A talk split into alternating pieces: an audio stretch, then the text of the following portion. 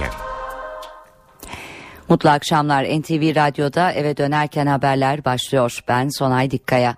Türkiye ve dünyadan günün önemli gelişmelerini aktaracağız. Ama önce öne çıkan haberlerin başlıkları. Devlet Denetleme Kurulu 21 yıl sonra Madımak katliamına ilişkin raporunu açıkladı.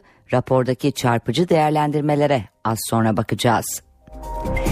Cumhurbaşkanı adayı ve HDP eş genel başkanı Selahattin Demirtaş yeni bir hayat sloganıyla yol haritasını açıkladı.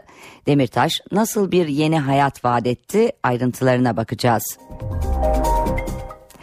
Soma faciasından sonra toplanan para hayatını kaybeden 301 işçinin ailelerine paylaştırılacak. Başbakan her işçinin ailesine 154.450 lira verileceğini ayrıca bağışlanan konutların dağıtılacağını, dağıtılacağını açıkladı. İstanbul'da yaşayanların 68 günlük suyu kaldı. Bu akşam İstanbul'da yine sağanak yağış bekleniyor. Ancak bu yağışlar barajları etkilemiyor. Satır başlarını aktardık. Şimdi ayrıntılar.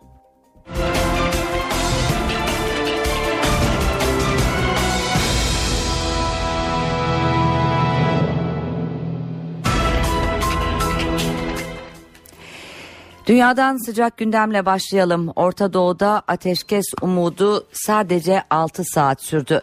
İsrail hükümeti bu sabah Mısır'ın ateşkes teklifini kabul ettiğini duyurmuş. Hamas'ın askeri kanadından önce red cevabı gelmiş. Sonra siyasi kanat tartışıyoruz açıklaması yapılmıştı.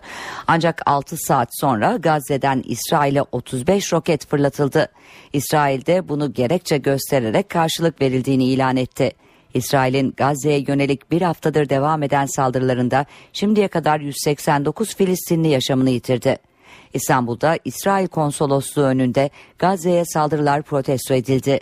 Göstericiler arasında Başbakanın kızı Esra Albayrak da vardı.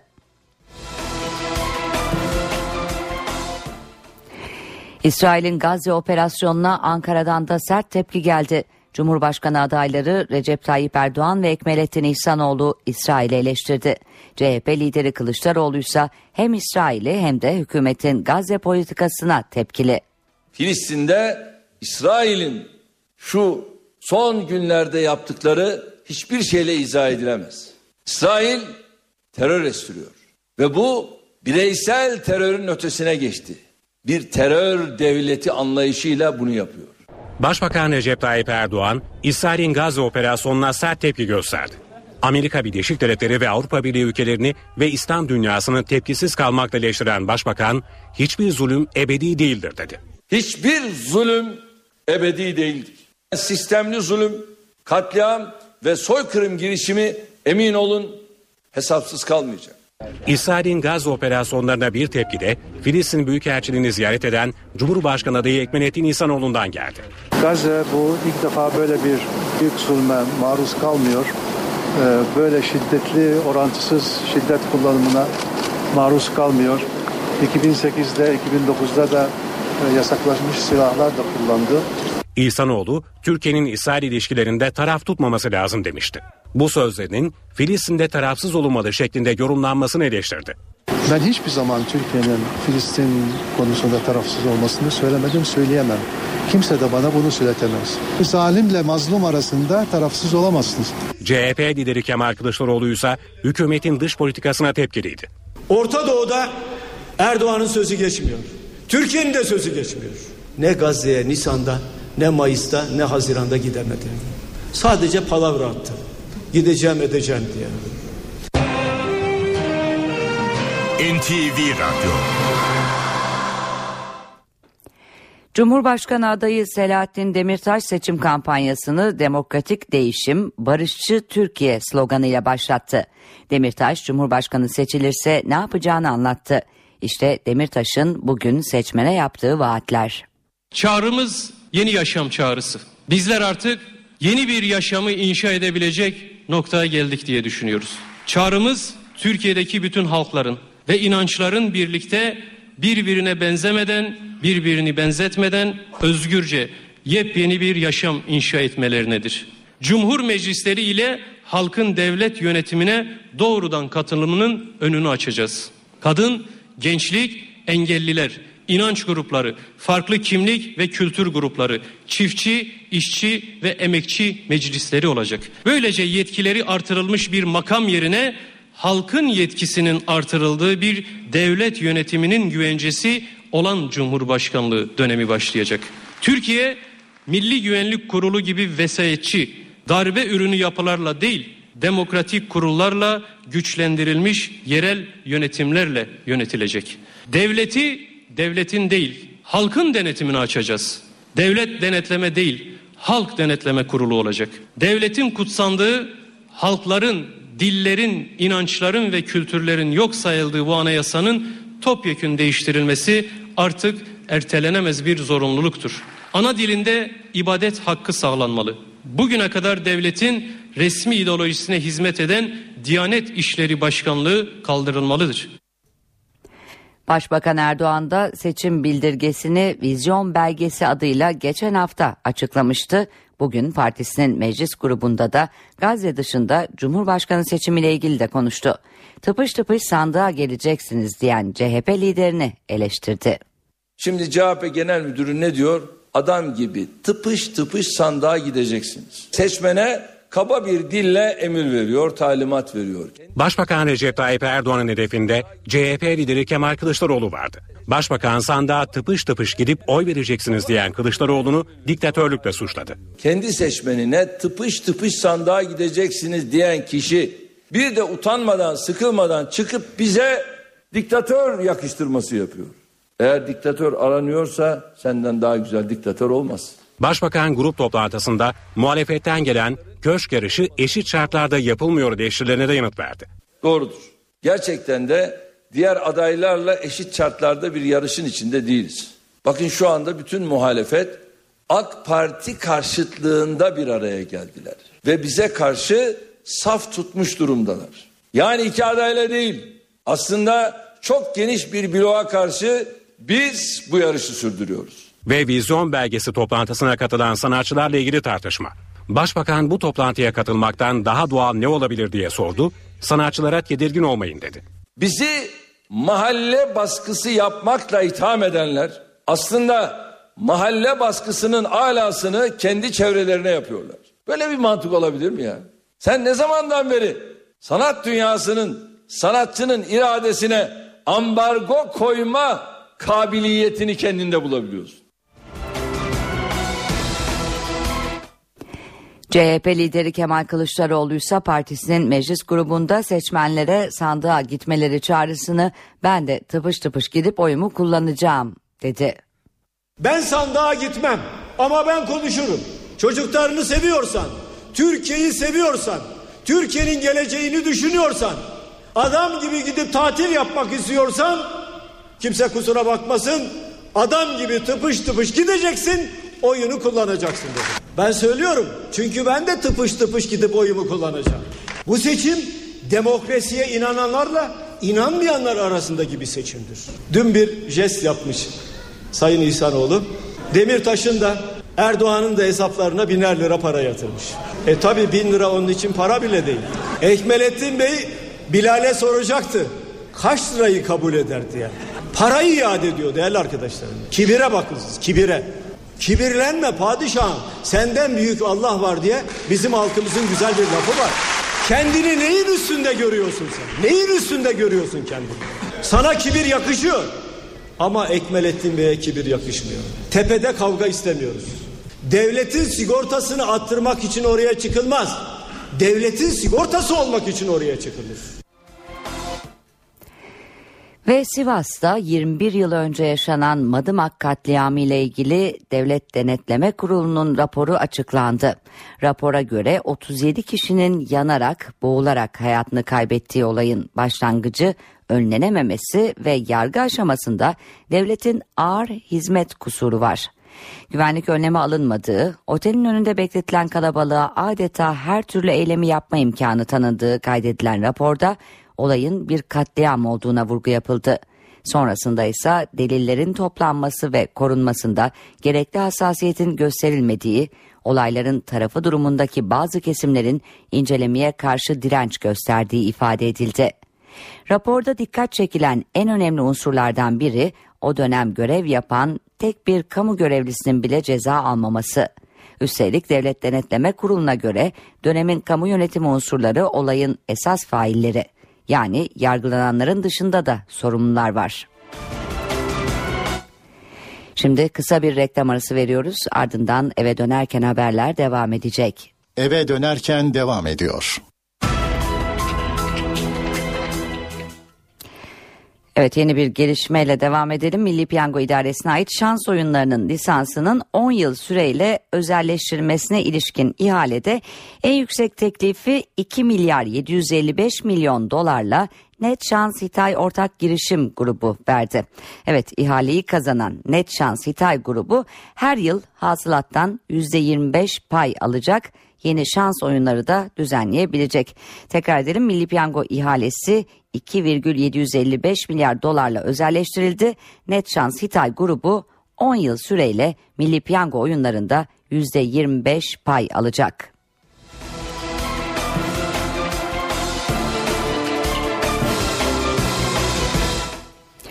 Ve gündemdeki diğer gelişmelerle devam ediyoruz. Soma faciasının ardından yardım hesaplarında toplanan para ölen 301 işçinin ailelerine dağıtılacak. Başbakan ailelere yapılacak yardımı bugün açıkladı. Nakit yardım hesaplarında toplanan 46,5 milyon lirayı hayatını kaybeden 301 işçimizin ailelerine 154.450 lira olarak paylaştırıyoruz. Soma'da 301 işin hayatını kaybettiği facianın ardından yardım hesaplarında toplanan 46 milyon lira para işçilerin aileleriyle paylaştırılacak. 301 aileye 154.407'şer lira verilecek. Açıklama Başbakan Recep Tayyip Erdoğan'dan geldi. Başbakan ailelere iki de konut verileceğini söyledi. Yardım kampanyalarına katılanlara teşekkür etti.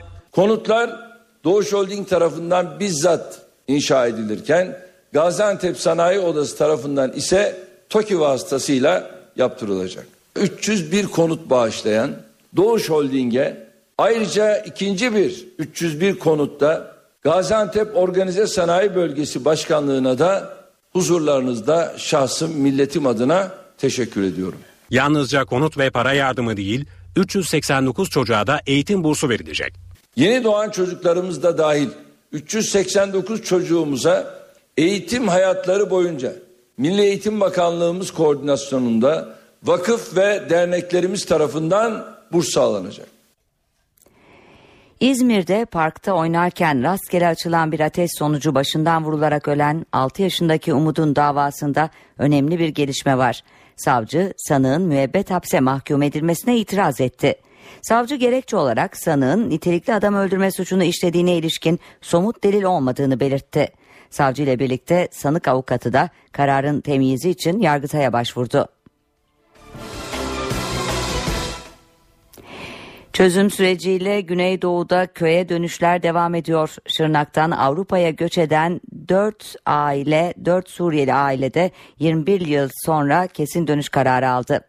Evlerini yeniden inşa eden Asuriler temel ihtiyaçlarının giderilmesini istiyor. Ben Belçika'dan gelmişim. Köyümüze dönmek, e, dönmek, dönmek için, köyümüzü yaptırmak için gelmişiz. Şırnaklı Asuriler 21 yıl sonra köylerine döndü. Silopi'ye bağlı Körseri'de yeniden evler yükseliyor. Teröre çözüm süreciyle oluşan ortam köye dönüşleri hızlandırdı. 1993 yılında yaşanan terör olayları nedeniyle Avrupa'ya göçen Asuriler Şırnak'a kesin dönüş kararı aldı. Asuriler harabeye dönen evlerini yeniden onarmaya başladı.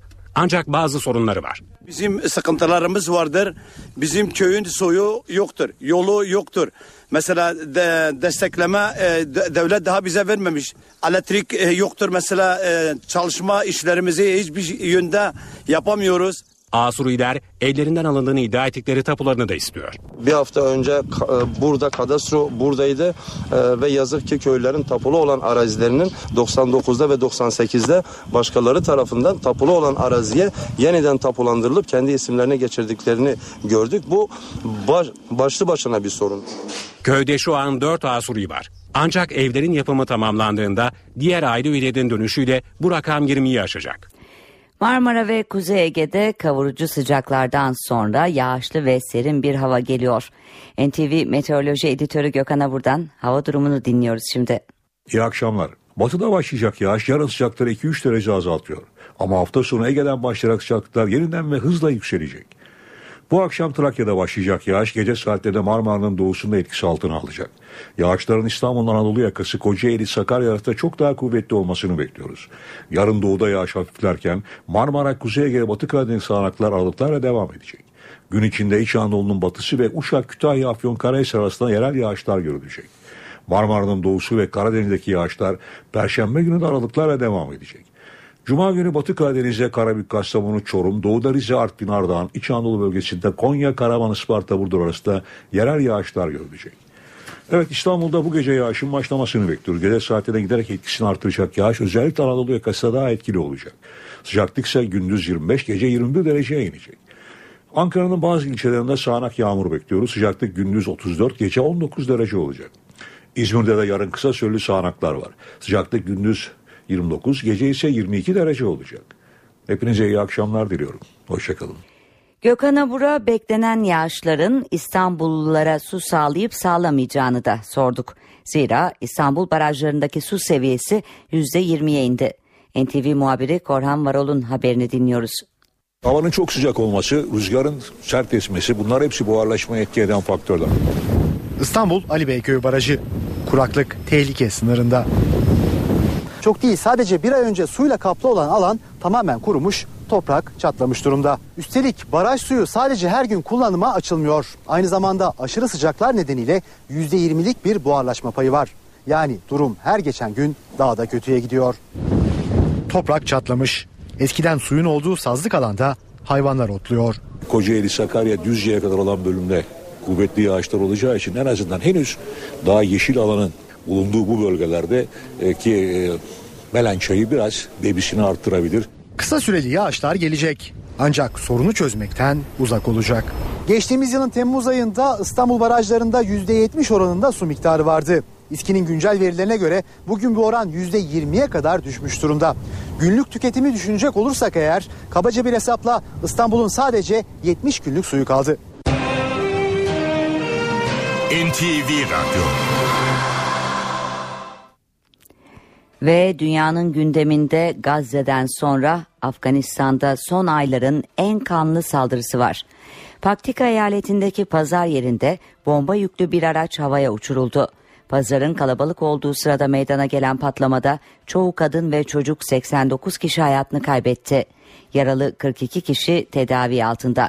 Saldırının sorumluluğunu üstlenen olmadı. Batı Afrika'da Ebola virüsünden ölenlerin sayısı 600'ü aştı. Dünya Sağlık Örgütü sadece geçen hafta 68 kişinin Ebola virüsü nedeniyle hayatını kaybettiğini duyurdu. Böylece ölümcül virüsten dolayı yaşamını yitirenlerin toplam sayısı 603 oldu. En fazla can kaybı Sierra Leone'de gerçekleşti. Ebola'nın görüldüğü diğer Afrika ülkeleri ise Liberya ve Gine. İngiltere'de kadınlar kilisede 35 yıldır verdikleri mücadeleyi kazandılar. İngiliz kilisesi kadınların psikopos olmasını sağlayacak teklifi kabul etti. İngiltere'de yıllardır süren tartışma kadınlar lehine sonuçlandı. İngiliz kilisesi kadınların psikopos olmasının önünü açacak teklifi kabul etti. Teklif kilisenin ruhani meclisini oluşturan 3 yasama organında da ezici çoğunlukla kabul edildi. İlk kez 1975'te gündeme gelen ancak onaylanması yaklaşık 35 yıl süren teklifi destekleyenler oylama sonrası büyük sevinç yaşadı. Sonucu duyduğumuzda inanamadık. Çok uzun süredir bunu bekliyorduk. Her oylamada biraz daha yaklaştık ve başardık. Sonunda ruhani meclis evet dedi. İngiliz kilisesi bu kararıyla kadınlara psikopos olma imkanı tanıyan ikinci kilise oldu. Benzer bir kararı ilk benimseyen kilise olan Amerikan Episkopal Kilisesi şu an kadın bir başpiskopos tarafından yönetiliyor. Yeniden yurda dönelim. İşsizlik ve bütçedeki son duruma ilişkin veriler açıklandı. İşsizlik geçen aya göre azaldı. Bütçe ise 6 ayda açık verdi. Maliye Bakanı Mehmet Şimşek bu rakamlara ilişkin konuştu. İşsizlik oranı düşüyor. İşsizlik Nisan'da hem geçen yıla hem de bu yılın Mart ayına göre düştü ve %9 oldu. Bu oranla işsizlikte son 10 ayın en düşük seviyesi görüldü. Son 12 ayda Türkiye ekonomisi net olarak 1.4 milyon istihdam artışı sağlamış. Bundan dolayı zaten işsizlik oranları düşüyor. Nisan itibariyle kayıtlı işsiz sayısı da 2 milyon 579 bine geriledi. Bütçe ise 6 ayda 3,4 milyar lira açık verdi.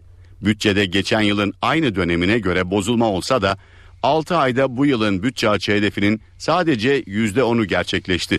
Maliye Bakanı Mehmet Şimşek ek zam veya vergi artışı olmayacağı mesajı verdi. Bütçe performansı hedeflerle paralel gidiyor. Bütçe hedeflerini rahat bir şekilde yakalayabileceğimizi şu an itibariyle düşünüyoruz. Bütçe için herhangi bir tedbir öngörmüyoruz. Bakan Şimşek milli piyango özelleştirmesini de değerlendirdi. Biz devleti örneğin kumar oyunları düzenlemekten çıkartmak istiyoruz. Borsa İstanbul 100 endeksi şu dakikalarda yaklaşık olarak 81.300 puan seviyelerinde. Serbest piyasada dolar 2 lira 11 kuruştan, euro ise 2 lira 88 kuruştan işlem görüyor. Kısa bir aranın ardından Ben Bu İşte Ustayım adlı yarışma programını dinleyebilirsiniz. Saat başında eve dönerken haberlerde yeniden birlikte olacağız. Eve dönerken devam ediyor.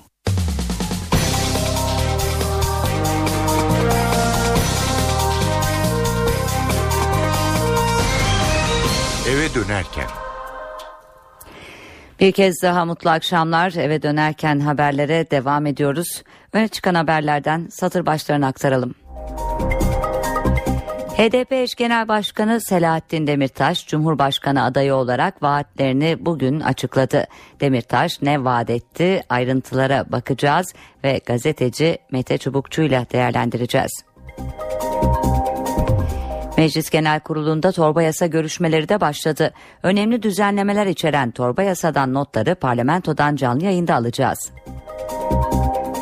Devlet Denetleme Kurulu'nun 21 yıl sonra Madımak katliamına ilişkin değerlendirmesi İstanbul trafiğinde belediye otobüsünün direksiyonundayken bir yandan da kitap okurken yakalanan şoför cep telefonlarında alerji yaptığı belirlenen madde öne çıkan diğer haberler arasında. Şimdi ayrıntılara geçelim.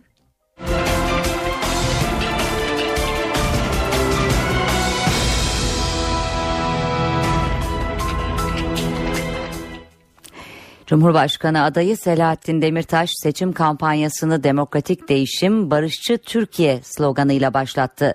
Demirtaş, Cumhurbaşkanı seçilirse ne yapacağını anlattı. Ben Cumhurbaşkanı Sayın Recep Tayyip Erdoğan Başbakan olursa Allah ona yardım etsin. Demokrasiye alışacak, çoğulculuğa alışacak, farklı seslere alışacak. Öyle toplantılarda kalk gidiyoruz diyemeyecek.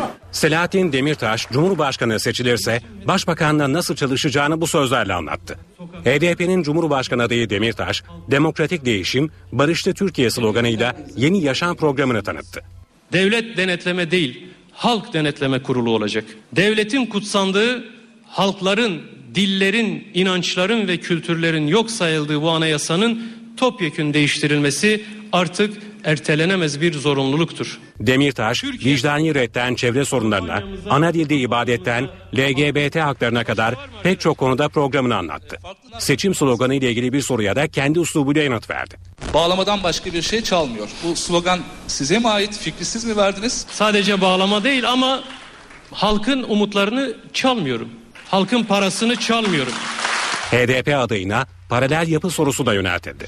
AKP'nin buna paralel demesi abesle iştigaldir. Çünkü evrenin herhangi bir yerinde kesişen iki çizgiye paralel denmez. Demirtaş isim vermedi ama Türk bayrağına yönelik hakaretin başka siyasi gruplardan geldiğini söyledi. Türkiye Cumhuriyeti bayrağının layık olduğu şekilde e, bütün toplumu temsil edeceği onurunu elbette ki korumak isterim.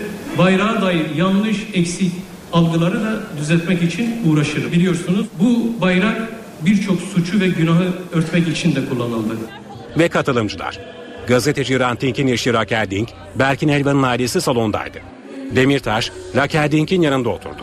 Bu salonda bugün acısı meydanlarda yuhalatılmış bir anayı burada müsaadenizle alkışlatmak istiyorum. Berkin Elvan'ın annesine alkışlatmak istiyorum.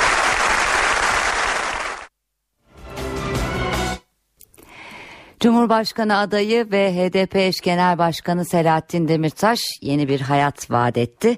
Şimdi bu vaatleri gazeteci Mete Çubukçu ile konuşacağız. Evet Mete Çubukçu merhaba diyelim öncelikle. Merhaba. Bugün Demirtaş'ın seçim bildirgesini açıkladığı toplantıdaydın sen de sanırım hem oradaki atmosfere hem de Demirtaş'ın vaatlerine ilişkin senin yorumun neler olacak dinleyelim. Demirtaş'ın e, özellikle Cumhurbaşkanlığı e, seçim e, sürecindeki bildirgesi e, çok kapsamlıydı e, açıkçası. E, özellikle Türkiye'nin kutuplaşmış e, siyasi sistemine alternatif olarak birleştirici, barış içeren, dışlanmış tüm kesimleri de kapsayan e, bir nitelik taşıyordu.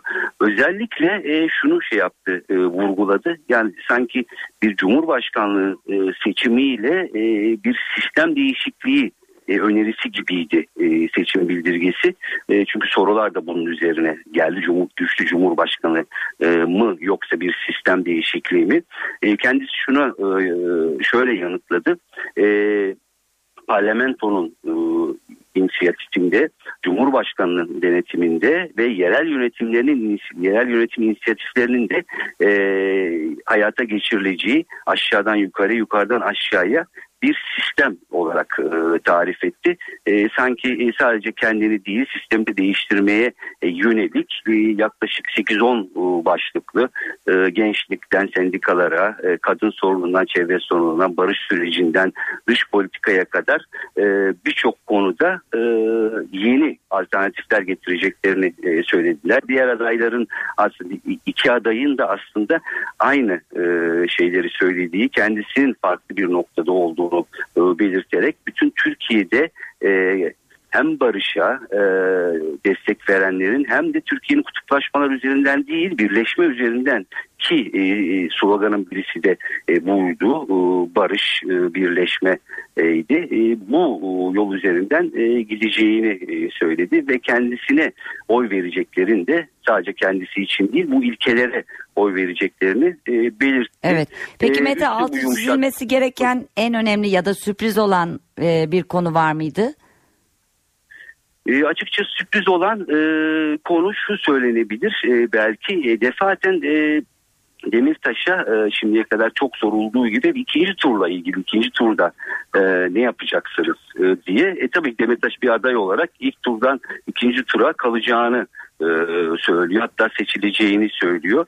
Ama eğer seçilemezse e, kendisinin ya da kendisine oy verenlerin bir ilke üzerinden hareket edeceklerini ve kendilerinin de e, herhangi bir şekilde diğer adaylar lehine bir e, tasarrufta bulunmayacaklarını e, söyledi. E, belki sürpriz olan şu e, denebilir. E, Selahattin Demirtaş e, Cumhurbaşkanı sürecinde e, giderek daha e, yumuşak, daha birleştirici üslubunu daha e, üst seviyeye e, çekiyor. E, daha esprili, daha nükteden konuşmasıyla e, e, kucaklamaya çalışıyor. Bir bayrakla ilgili şey vardı. Belki o ilginç olabilir. Ee, özellikle bayrakla ilgili soruldu. Salonda niye e, bayrak yok diye.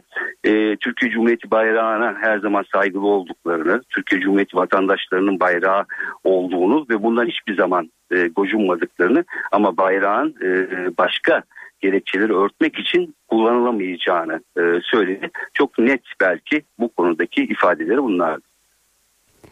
Teşekkür ediyoruz Mete Çubukçu'ya. Evet Cumhurbaşkanı adayı ve HDP eş genel başkanı Selahattin Demirtaş'ın bugün yeni bir hayat vaadiyle yaptığı e, konuşması seçim bildirgesine ilişkin ayrıntıları aktardı bize ve diğer gelişmelerle devam ediyoruz. Cumhurbaşkanı adayı ve Başbakan Recep Tayyip Erdoğan da partisinin meclis grubunda konuştu. Hem tıpış tıpış sandığa geleceksiniz diyen CHP liderini eleştirdi hem de seçim yarışının eşit olmadığından şikayet eden muhalefete cevap verdi. Şimdi CHP Genel Müdürü ne diyor? Adam gibi tıpış tıpış sandığa gideceksiniz. Seçmene kaba bir dille emir veriyor, talimat veriyor. Başbakan Recep Tayyip Erdoğan'ın hedefinde CHP lideri Kemal Kılıçdaroğlu vardı. Başbakan sandığa tıpış tıpış gidip oy vereceksiniz diyen Kılıçdaroğlu'nu diktatörlükle suçladı. Kendi seçmenine tıpış tıpış sandığa gideceksiniz diyen kişi bir de utanmadan, sıkılmadan çıkıp bize diktatör yakıştırması yapıyor. Eğer diktatör aranıyorsa senden daha güzel diktatör olmaz. Başbakan grup toplantısında muhalefetten gelen köşk yarışı eşit şartlarda yapılmıyor eleştirilerine de yanıt verdi. Doğrudur. Gerçekten de diğer adaylarla eşit şartlarda bir yarışın içinde değiliz. Bakın şu anda bütün muhalefet AK Parti karşıtlığında bir araya geldiler.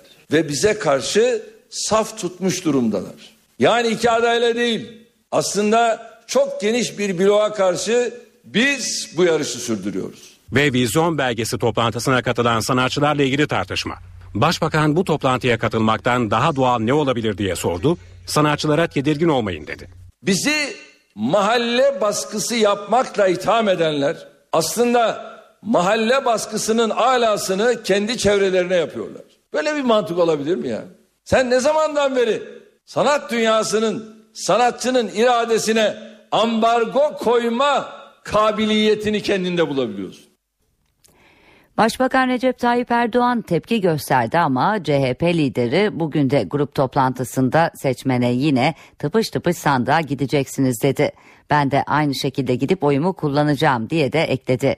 Kılıçdaroğlu Cumhurbaşkanlığı seçimlerinde Türkiye'nin geleceğinin oylanacağını söyledi. Çocuklarını seviyorsan, adam gibi gidip tatil yapmak istiyorsan kimse kusura bakmasın. Adam gibi tıpış tıpış gideceksin, oyunu kullanacaksın. Ben söylüyorum çünkü ben de tıpış tıpış gidip oyumu kullanacağım. CHP lideri Kemal Kılıçdaroğlu tatilcilere oy kullanın çağrısını yineledi. Cumhurbaşkanlığı seçiminin sıradan bir iktidar mücadelesi olmadığını söyledi. Bu seçim bir kişiyi seçeceğiz, Cumhurbaşkanlığı koltuğuna oturtacağız. Seçimi de değildir. Türkiye'nin geleceğinin oyla, oylanacağı bir seçimdir. Tepede kavga istemiyoruz. Devletin sigortasını attırmak için oraya çıkılmaz. Devletin sigortası olmak için oraya çıkılır. CHP liderinin gündeminde Ekmelettin İhsanoğlu'nun rakiplerinin hesabına yatırdığı biner lira da vardı. Kılıçdaroğlu parayı iade eden başbakanı eleştirdi. E tabi bin lira onun için para bile değil. Ekmelettin Bey Bilal'e soracaktı. Kaç lirayı kabul eder diye. Kibire bakın siz kibire. Kibirlenme padişahım senden büyük Allah var diye bizim halkımızın güzel bir lafı var. Kendini neyin üstünde görüyorsun sen? Sana kibir yakışıyor. Ama Ekmelettin Bey'e kibir yakışmıyor. NTV Radyo Sivas'taki Madımak katliamında devletin ağır kusuru var. Bu tespit katliamdan 21 yıl sonra Cumhurbaşkanlığına bağlı Devlet Denetleme Kurulu tarafından yapıldı. İşte rapordaki ayrıntılar. 2 Temmuz 1993'te Sivas Madımak'ta 37 kişinin ölümüyle sonuçlanan toplumsal olay katliamdır. Tespit Cumhurbaşkanlığına bağlı Devlet Denetleme Kurulu'nun. Kurul uzun süredir üzerinde çalıştığı Madımak raporunu tamamladı. Raporda en dikkat çekici tespit, devlet yaklaşımının Sünni hafızanın tahrik ettiği davranışlar kadar hatalı olmasıydı. Sivas olaylarında dönemin tüm devlet ricaliyle yaklaşımları en az Sünni kolektif hafızanın tahrikine yol açtığı kanaati edinilen bazı davranışlar kadar sorumludur. DDDK raporunda katliamda Osmanlı'dan sonra başlayan ötekileştirme politikalarının etkisi olduğu tespiti yapıldı. Sivas olaylarında çeşitli cezalara mahkum edilen toplam 81 kişi vardı. DDK bu kişiler görünen sorumlulardır. Yanında başka failler ve sorumlular da var tespitini yaptı. Olayın ortaya çıkmasında, önlenememesinde ve yargılanmasında devlette tereddüt eden ağır bir hizmet kusuru var. Ve olay esnasında yaşanan noksanlıklar. DDK'ya göre kamu yönetimi kriz yönetiminde basiretsizdi. Toplumsal kriz riskine rağmen güvenlik önlemleri alınmadan etkinlik yapıldı. Katılımcıların otelden tahliyesinin sağlanması gibi tedbirleri almakta ciddi ihmal ve zafiyet gösterildi. DDK 20 yılın ardından bazı belgelere ulaşmakta zorlandığını, bazı kesimlerinde olanları anlatmak konusunda kendisine direnç gösterdiğini söyledi. Soma faciasının ardından yardım hesaplarında toplanan para ölen 301 işçinin ailelerine dağıtılacak. Başbakan Recep Tayyip Erdoğan ailelere yapılacak yardımı bugün açıkladı. Nakit yardım hesaplarında toplanan 46,5 milyon lirayı hayatını kaybeden 301 işçimizin ailelerine 154.450 lira olarak paylaştırıyoruz. Soma'da 301 işin hayatını kaybettiği facianın ardından yardım hesaplarında toplanan 46 milyon lira para işçilerin aileleriyle paylaştırılacak. 301 aileye 154.407'şer lira verilecek. Açıklama Başbakan Recep Tayyip Erdoğan'dan geldi. Başbakan ailelere iki de konut verileceğini söyledi. Yardım kampanyalarına katılanlara teşekkür etti. Konutlar Doğuş Holding tarafından bizzat inşa edilirken Gaziantep Sanayi Odası tarafından ise TOKİ vasıtasıyla yaptırılacak. 301 konut bağışlayan Doğuş Holding'e ayrıca ikinci bir 301 konutta Gaziantep Organize Sanayi Bölgesi Başkanlığı'na da huzurlarınızda şahsım milletim adına teşekkür ediyorum. Yalnızca konut ve para yardımı değil 389 çocuğa da eğitim bursu verilecek. Yeni doğan çocuklarımız da dahil 389 çocuğumuza eğitim hayatları boyunca Milli Eğitim Bakanlığımız koordinasyonunda vakıf ve derneklerimiz tarafından burs sağlanacak. İzmir'de parkta oynarken rastgele açılan bir ateş sonucu başından vurularak ölen 6 yaşındaki Umut'un davasında önemli bir gelişme var. Savcı sanığın müebbet hapse mahkum edilmesine itiraz etti. Savcı gerekçe olarak sanığın nitelikli adam öldürme suçunu işlediğine ilişkin somut delil olmadığını belirtti. Savcı ile birlikte sanık avukatı da kararın temyizi için Yargıtay'a başvurdu. İstanbul'da bugün belediye otobüsünü kullanırken aynı anda direksiyon başında kitap okuyan şoför yolculardan biri tarafından kameraya çekilerek internette yayınlandı ve şok etkisi yarattı. Taşdelen Çekmeköy hattında çalışan belediye otobüsünün şoförü önce cep telefonuyla konuşuyor, telefon konuşması bitince telefonu bırakıp kitabını alıyor ve direksiyon başında okumaya başlıyor. İnternette izlenme rekoru kıran görüntülerden sonra İETT'den açıklama bekleniyor. Şimdi kısa bir reklam arası veriyoruz. Eve dönerken devam ediyor.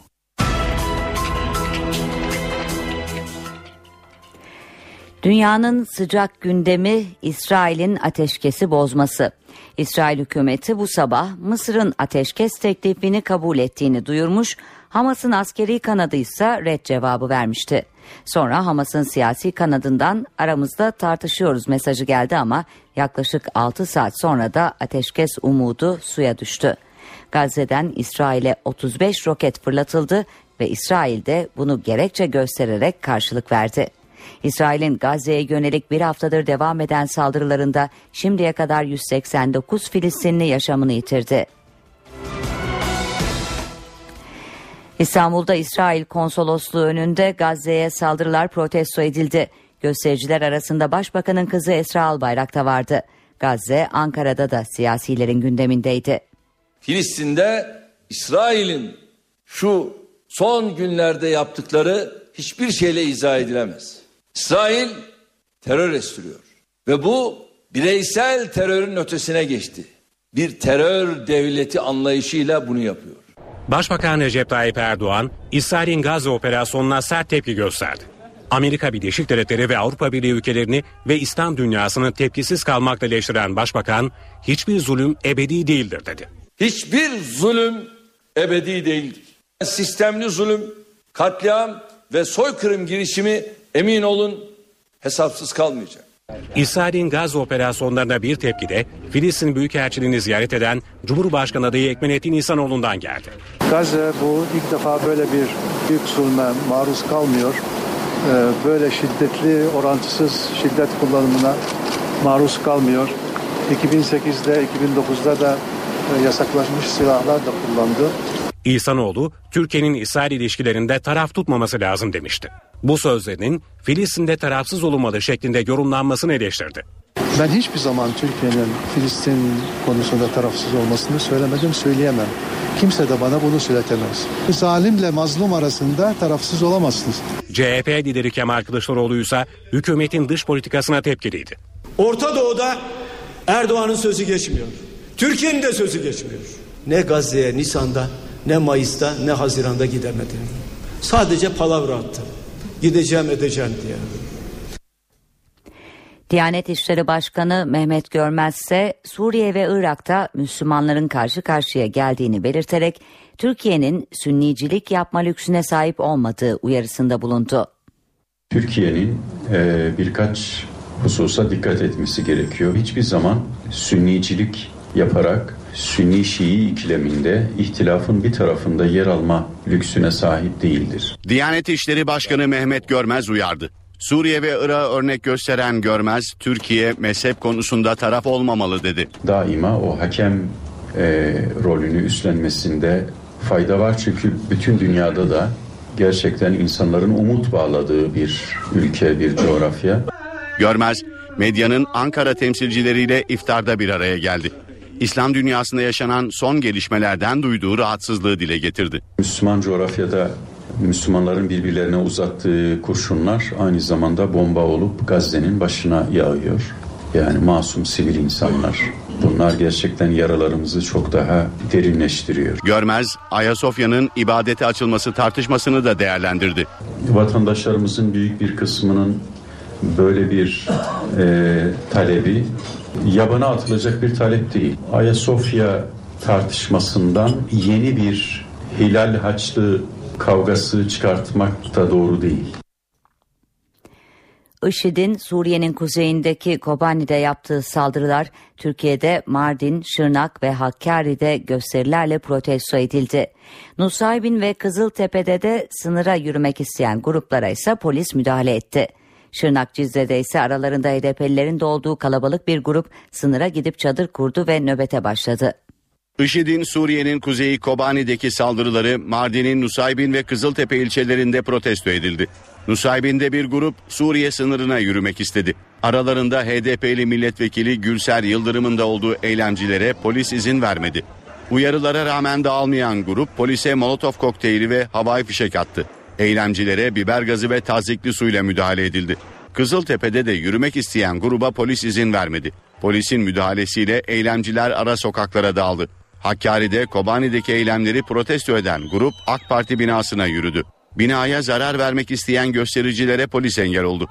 Çırnak Cizre'de de aralarında HDP ve BDP'lilerin olduğu 1500 kişi sınıra yürüdü. Grup Cizre Suriye sınırına çadır kurdu. Eylem nedeniyle sınırda güvenlik önlemleri alındı. Dünyanın gündeminde Gazze'den sonra Afganistan'da son ayların en kanlı saldırısı var. Paktika eyaletindeki pazar yerinde bomba yüklü bir araç havaya uçuruldu. Pazarın kalabalık olduğu sırada meydana gelen patlamada çoğu kadın ve çocuk 89 kişi hayatını kaybetti. Yaralı 42 kişi tedavi altına alındı. Saldırının sorumluluğunu üstlenen olmadı.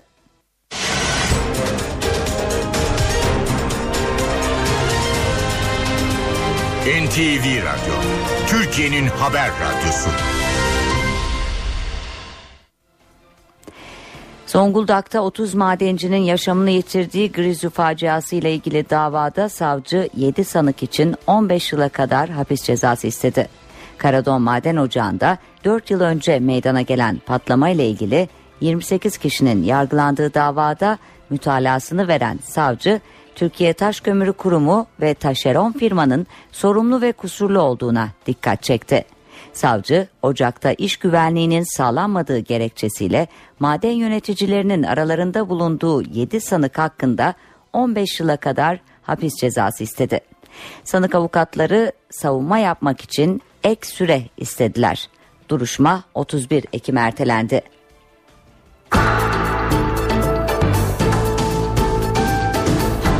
Parlamento günlüğü. Ve sevgili seyirciler torba yasa meclis genel kurulu gündemine geldi. Şimdi Ankara'ya dönelim. Parlamento günlüğü için sözü Miray Aktağ Uluç'a bırakıyoruz. Miray seni dinliyoruz. Torba kanun tasarısı meclis genel kurulunda görüşülmeye önümüzdeki saatler içerisinde başlayacak. 61 madde olarak gelmişti Türkiye Büyük Millet Meclisi'ne ancak bir aydan fazla süren komisyon görüşmelerinde 150 maddeyi aşmıştı düzenleme. Şu sıralarda da iktidar partisinin düzenlemenin görüşmelerinin bugün başlamasıyla ilgili önergesi görüşülüyor. Ancak bu önergenin görüşmeleri sırasında sert tartışmaların yaşandığını da söyleyebiliriz AK Parti ile Cumhuriyet Halk Partisi arasında. Peki düzenleme neler getiriyor? Hemen aktaralım. Özellikle taşeron işçilerin şartlarında önemli iyileştirmeler var. Kamuda çalışan taşeron işçilerinin kıdem tazminatlarını söz konusu kamu kuruluşları üstlenecek ve bu işçilerin yıllık izinlerinin kullanılması kamu tarafından takip edilecek. Taşeron işçinin güvenliğinden kurum sorumlu olacak. Taşeron işçilerin ücreti de bankaya yatacak ve sözleşmeleri en az 3 yıllık olması gerekecek. Tasarı ile maden işçilerinin de çalışma koşulları ve ücretlerinde iyileştirmeler söz konusu. Maden işçileri için 6 aylık kıdeme sahip olma şartı kaldırılıyor. Yıllık izin süreleri diğer işçilere göre 4 gün daha fazla oluyor ve yer altında günlük azami çalışma süresi 6 saat, haftalık ise 36 saat olması öngörülüyor. Yeraltı çalışanları asgari ücretin iki katından az maaş alamayacak. Yaklaşık 10 milyon vatandaşı ilgilendiren borç yapılandırması da var tasarıda. Buna göre vergiler, SGK primleri ve idari para cezalarıyla takipteki kamu alacaklarından gecikme faizlerinden vazgeçilecek. Asıl borç enflasyon üzerinden yeniden hesaplanacak. Borçlarını yeniden yapılandıranlara 36 ay içinde 18 ay taksitte ödeme imkanı veriliyor bu düzenlemeyle. 120 liranın altındaki cezalar ise tamamen affediliyor. Ayrıca belediyelerin tahsil ettiği emlak, su ve çevre temizlik vergisi borçları da yapılandırma kapsamına alınıyor. Tasarıyla görevden alınan kamu çalışanların aynı göreve tekrar dönüşü zorlaşıyor. Görevden alınan kişi mahkemeden kararı iptal ettirse bile idarenin kararını uygulamak için önünde iki yıl oluyor. Düzenlemeden öne çıkan değişiklikler bu şekilde çok fazla sayıda kanunda değişiklik öngören bir düzenleme bu. Zira yıl sonuna gelen bir düzenleme olması nedeniyle kamu kurumlarının ihtiyaçlarını da giderilmesi amacıyla çok sayıda madde eklendi ve bu maddelerin eklenmesiyle yayının başında da söylediğimiz gibi 150'den fazla maddeye çıktı. Görüşmelerin bugünden itibaren başlayacağını söylemiştik. Önümüzdeki haftaya kadar devam edecek gibi görünüyor. Hatta bu hafta sonunda meclis çalışacak diye bekliyoruz ve sonrasında da Türkiye Büyük Millet Meclisi tatile girecek. Sonay.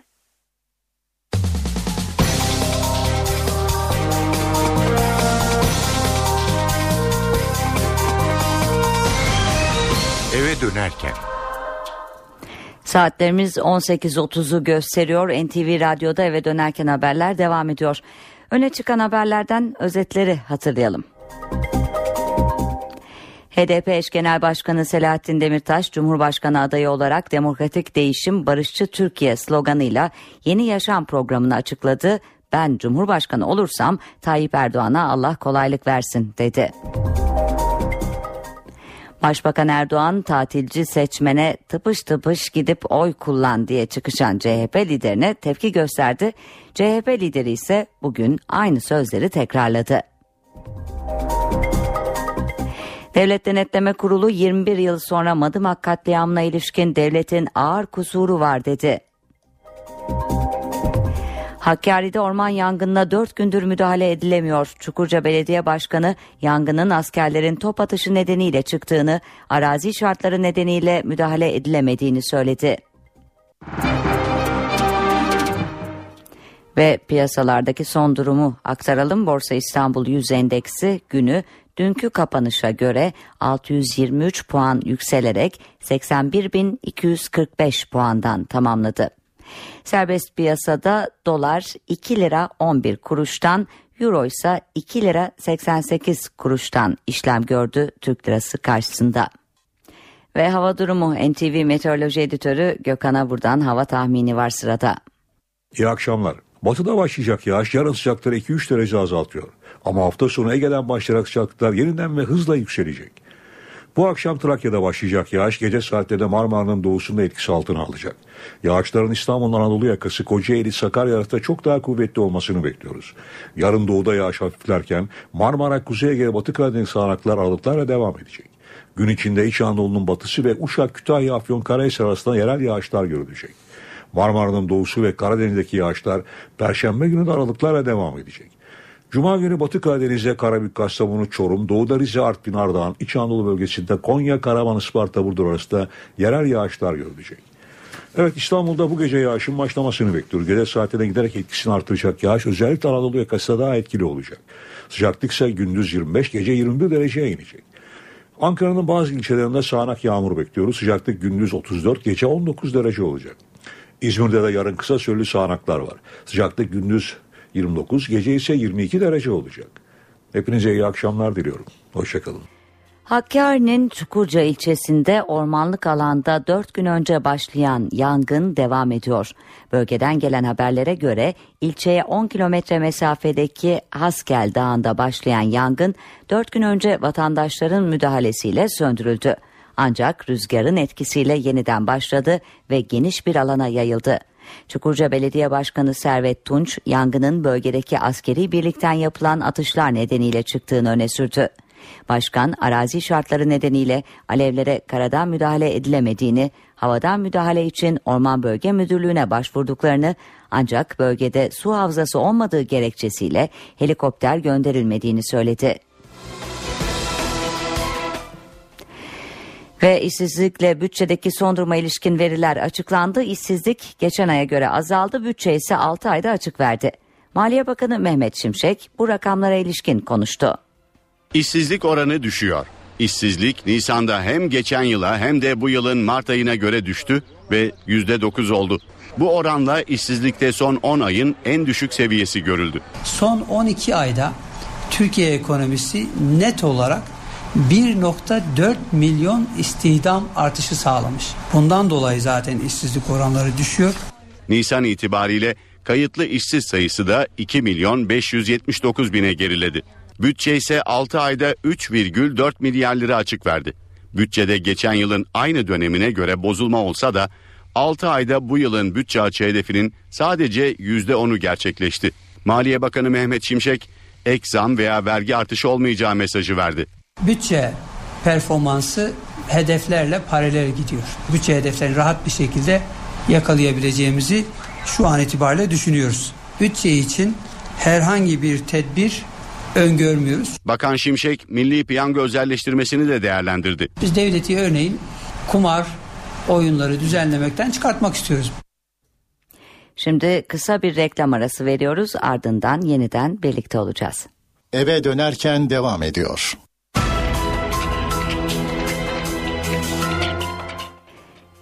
İngiltere'de kadınlar kilisede 35 yıldır verdikleri mücadeleyi kazandılar. İngiliz kilisesi kadınların psikopos olmasını sağlayacak teklifi kabul etti. İngiltere'de yıllardır süren tartışma kadınlar lehine sonuçlandı. İngiliz Kilisesi kadınların psikopos olmasının önünü açacak teklifi kabul etti. Teklif kilisenin ruhani meclisini oluşturan 3 yasama organında da ezici çoğunlukla kabul edildi. İlk kez 1975'te gündeme gelen ancak onaylanması yaklaşık 35 yıl süren teklifi destekleyenler oylama sonrası büyük sevinç yaşadı. Sonucu duyduğumuzda inanamadık. Çok uzun süredir bunu bekliyorduk. Her oylamada biraz daha yaklaştık ve başardık. Sonunda ruhani meclis evet dedi. İngiliz Kilisesi bu kararıyla kadınlara psikopos olma imkanı tanıyan ikinci kilise oldu. Benzer bir kararı ilk benimseyen kilise olan Amerikan Episkopal Kilisesi şu an kadın bir başpiskopos tarafından yönetiliyor.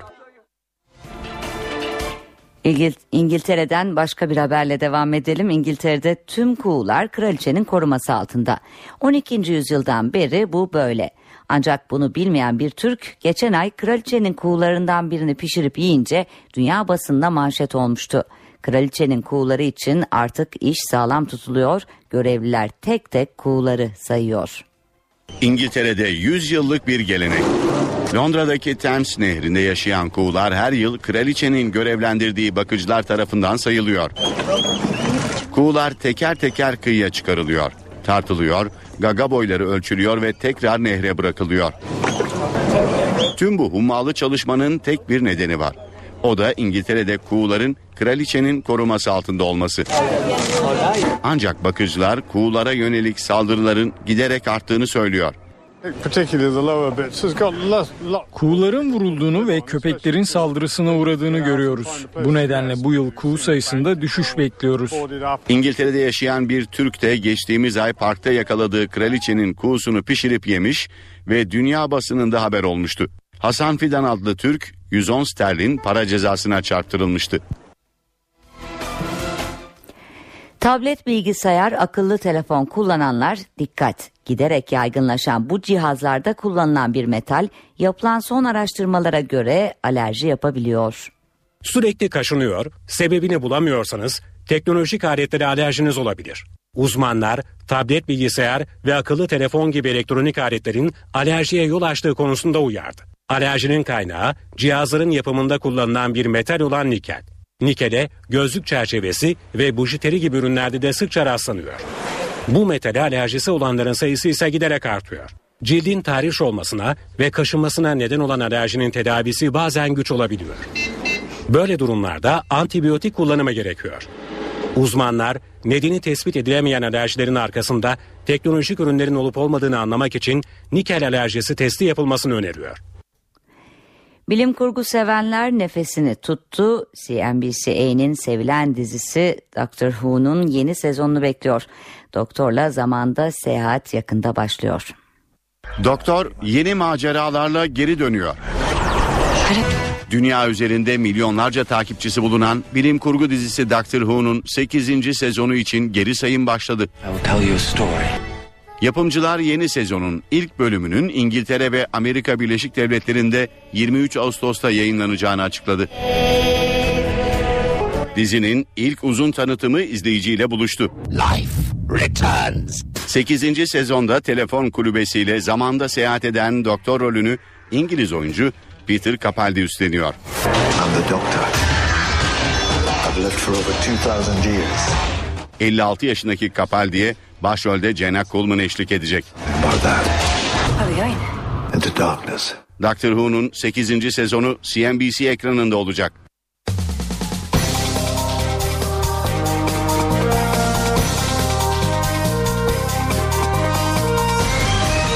Eve dönerken.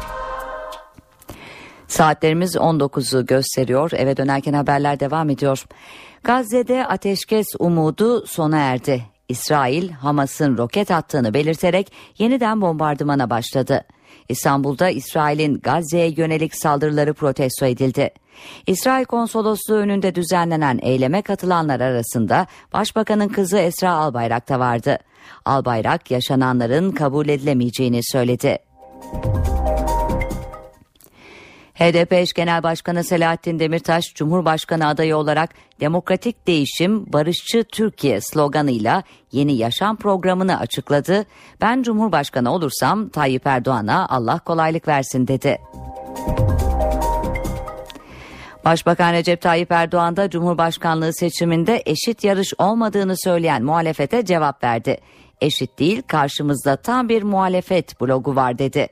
Başbakan tatilci seçmene tıpış tıpış gidip oy kullan diye çıkışan CHP liderine de tepki gösterdi. CHP lideri ise bugün aynı ifadeleri tekrarladı. Devlet Denetleme Kurulu 21 yıl sonra Madımak katliamına ilişkin devletin ağır kusuru var dedi. Hakkari'de orman yangınına 4 gündür müdahale edilemiyor. Çukurca Belediye Başkanı yangının askerlerin top atışı nedeniyle çıktığını, arazi şartları nedeniyle müdahale edile edilemediğini söyledi. Zonguldak'ta 30 madencinin yaşamını yitirdiği Grizu faciası ile ilgili davada savcı 7 sanık için 15 yıla kadar hapis cezası istedi. İstanbul'da barajlar 68 günlük su kaldı. İstanbul'daki barajlarda 68 günlük su kaldığı bildiriliyor. Musluktan akan suyun kötü koktuğu yönündeki şikayetler üzerine İSKİ'den bugün açıklama yapıldı. Kokudan şikayet edilen bölgelerde suyun Türk standartları ve uluslararası standartlar çerçevesinde analiz edildiği, suyun kullanılmasına engel bir veriye rastlanmadığı açıklandı. Kokunun nedeni ise sıcak hava, su seviyesinin düşmesi ve yosunlaşma yüzünden suyun kalitesindeki estetik parametrelerde değişim olarak açıklandı. Ancak bunun herhangi bir olumsuzluğa neden olmayacağı savunuldu. Antalya'nın Kepez ilçesinde iki çöp konteynerinin arasındaki poşette henüz bir günlük bebek bulundu. Ağlama sesleri üzerine fark edilen bebek güçlükle nefes alıyordu. Hastaneye kaldırılan bebek tedaviye alındı. Doktorlar hayati tehlikesi olmadığını bildiriyor.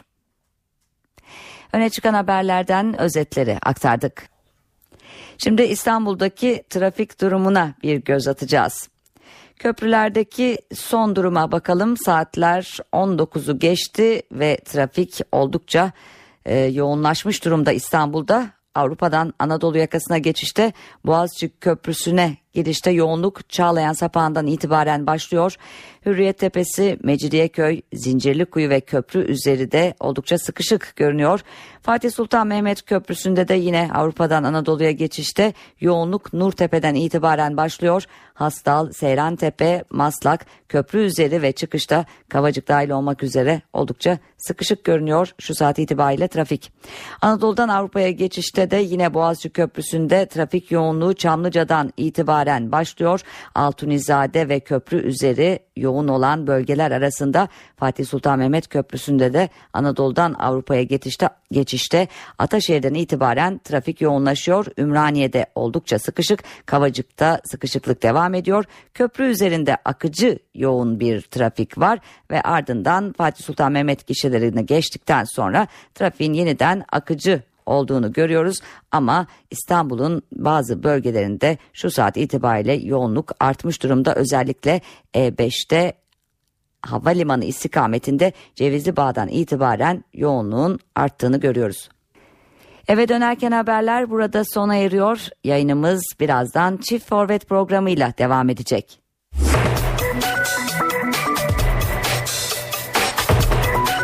Burası NTV Radyo. Saat 20.